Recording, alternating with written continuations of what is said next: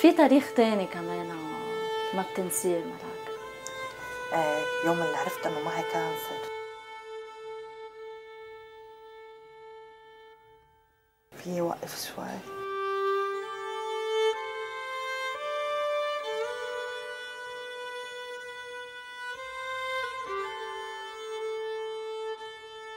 بس هلا بتروقي صح؟ حكايتي مع السرطان. بودكاست على راديو الآن. كان مشوار طويل. مشيته ملاك مع أهلها مع أصحابها ومعنا كمان. وصلنا لآخر الطريق سوا. كان لازم نرجع لعند ملاك لنعرف نتائج فحوصاتها الأخيرة ونتأكد إنه ملاك ربحت المعركة وإنه كل اللي عشناه معها قبل هلأ. خلص. خلص. رحت عملت البات سكان وقالوا لي بالمستشفى إنه خلال 72 ساعة بتطلع النتيجة. طبعا بليلتها نهار الجمعة ليلة الجمعة ما نمت ابدا.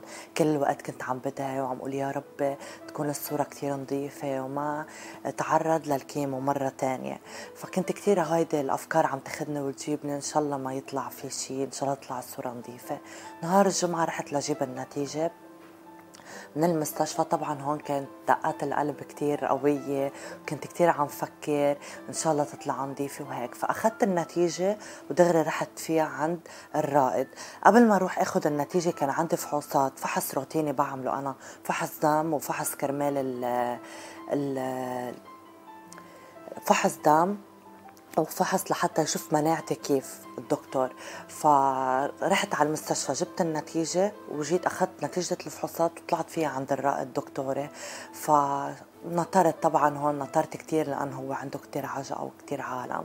فنطرت دوري لحتى فوت لعنده للدكتور فتت بلش الدكتور فتح ال file وبلش يشوف النتيجة وهيك. من ملامح الدكتور أنا كل وقت عم شوف الدكتور ملامحه حتتغير شو حيقول لي. فهون كانت قال لي الحمد لله ملاك أنت انتصرتي على المرض أنت قضيتي عليه مية بالمية حتى ترسبات لهذا المرض ما خليته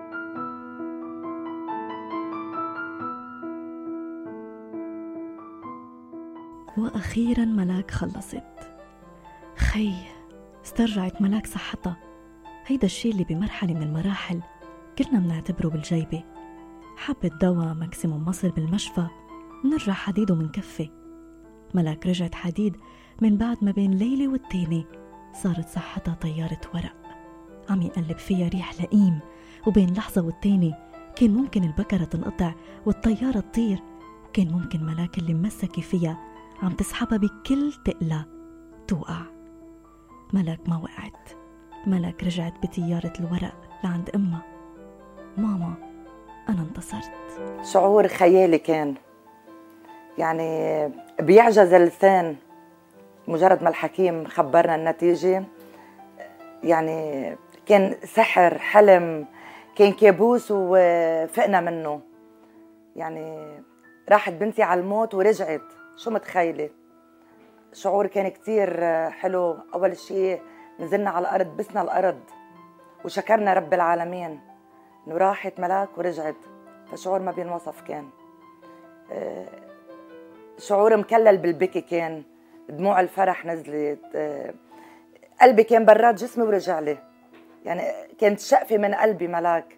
راحت ورجعت. فتت على page الآن وشفت الأخبار اللي كنتوا تنزلوها والفيديوهات اللي كانت تنزل عني حكاياتي مع السرطان يعني ابدا يعني لهم بالعادة بينزلوا comment تكون شيء سلبي comment مش حلوة.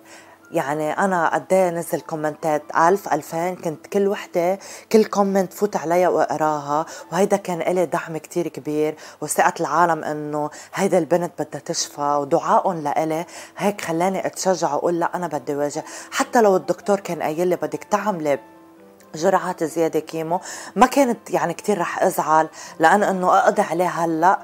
واحلى ما يرجع لي بعدين. كان الهدف إنه أنا أقضي على المرض. هلأ أحلى ما يرجع المرض يرافقني بعدين. خليكي عم تضحكي. ملك حفظت الطريق منيح وصارت تعرف تفاصيلها.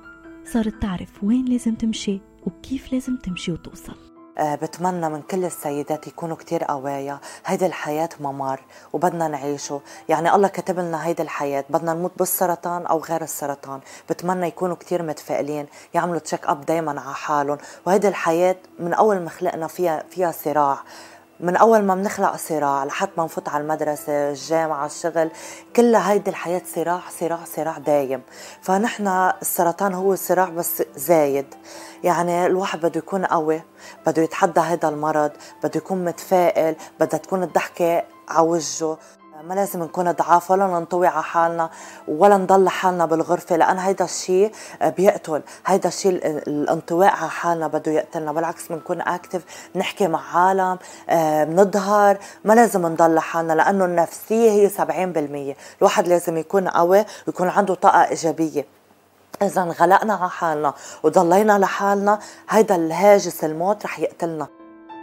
وهلأ ملاك شو رح تعملي؟ بدي غير حياتي بدي أعيش حياتي من أول وجديد وأرجع لملك القديمة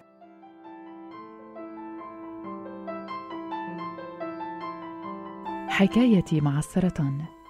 بودكاست على راديو الآن.